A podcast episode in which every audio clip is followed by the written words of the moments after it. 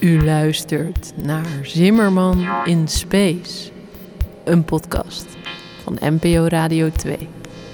Als ik zo eens naar mijn inbox kijk, dan zie ik een hoop vragen en hersenspinsels over het reizen met de lichtsnelheid of een aanzienlijke fractie daarvan. Kennelijk is dit een gedachte-experiment dat wij graag doen. Let me turn on some light. Maar wat we ook waarnemen is dat vooral fotonen met de lichtsnelheid reizen en de rest van ons verder redelijk overzichtelijke leven in vergelijking nogal traag voortschrijdt. Vandaag daarom een voorbeeld uit het heelal waarbij astronomen konden waarnemen dat iets met een aanzienlijke portie van de lichtsnelheid voortbewoog. De publicatie hierover kwam pas deze maand, september 2022, in de wetenschappelijke pers, maar behandelt een gebeurtenis uit 2017. It's been a long time. Even een kleine samenvatting.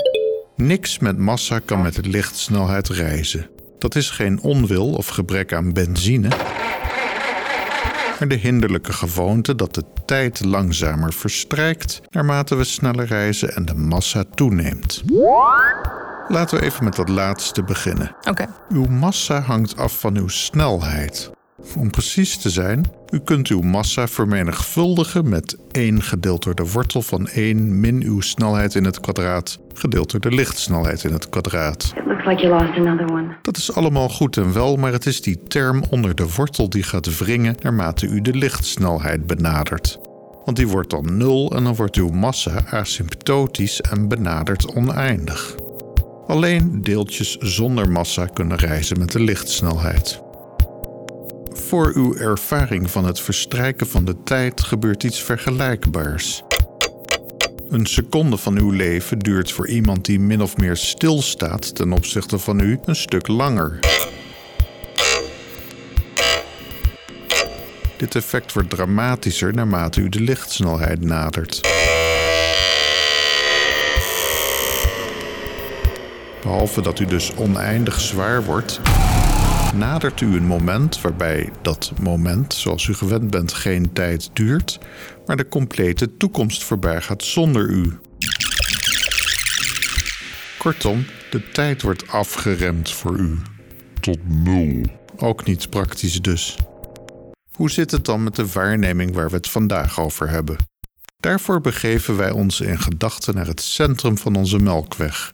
Hier vinden we een zwart gat van aanzienlijke massa met de iets schimmige naam Sagittarius A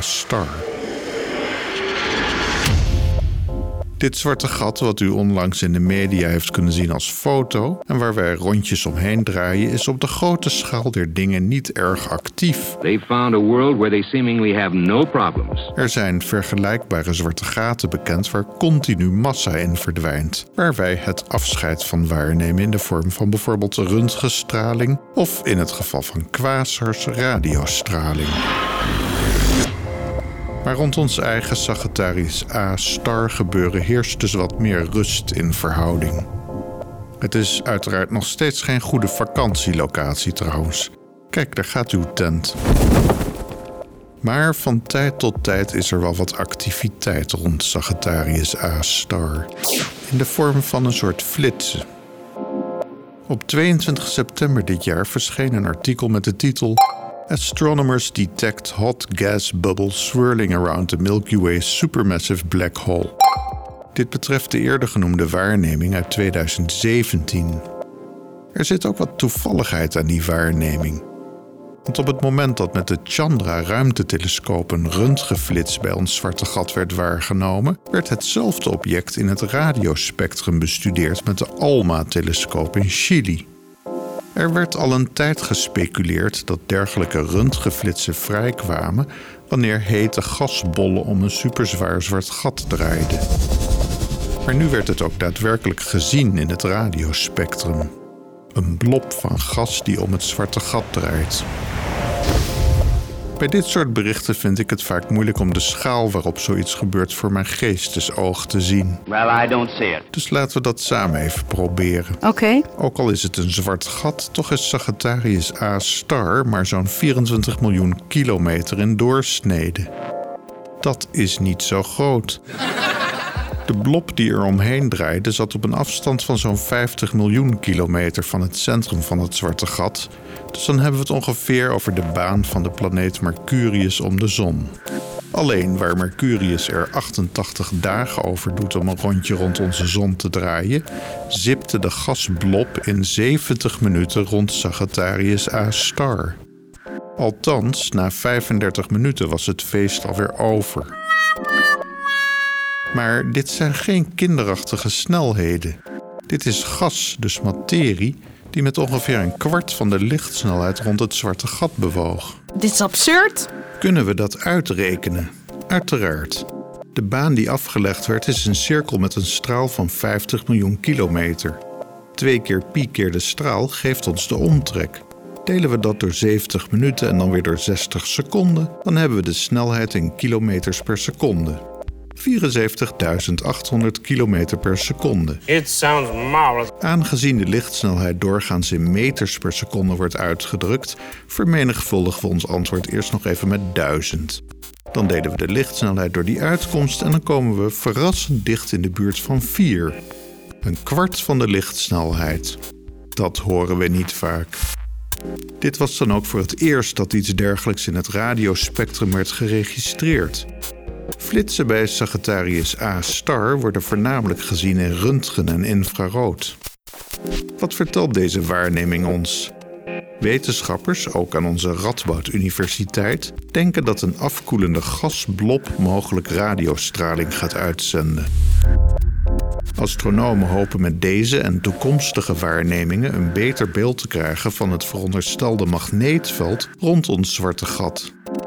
De gasblobs, die dus met een kwart van de lichtsnelheid rond kunnen chasen, zouden mogelijk kunnen ontstaan door de interactie van zo'n magneetveld met de materie rond een zwart gat. De accretieschijf heel goed.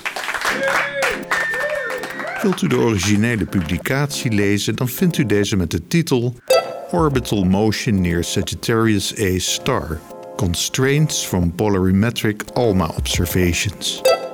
Het klinkt misschien in eerste instantie vreemd dat we een magneetveld rond een zwart gat aantreffen. Strange business, if you ask me. Maar we zien ook magneetvelden rond bijvoorbeeld neutronensterren. Oh ja, inderdaad. In gevallen waarbij een enorm sterk magneetveld rond een neutronenster bestaat, noemen we dat een magnetar. Wat als ik er meer over wil weten? Afleveringen 44 en 201 van Zimmerman in Space gingen hier ook al over.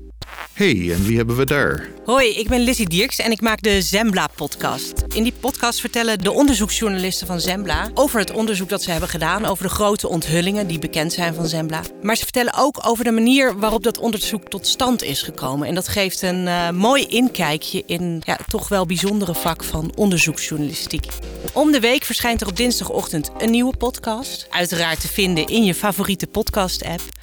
Ja, als je nou nog vragen hebt over het heelal, bijvoorbeeld wat nou het verschil is tussen een asteroïde en een meteoriet, dat weet ik zelf ook nooit zo goed. Kun je mailen naar henszimmerman.gmail.com. Tot de volgende keer.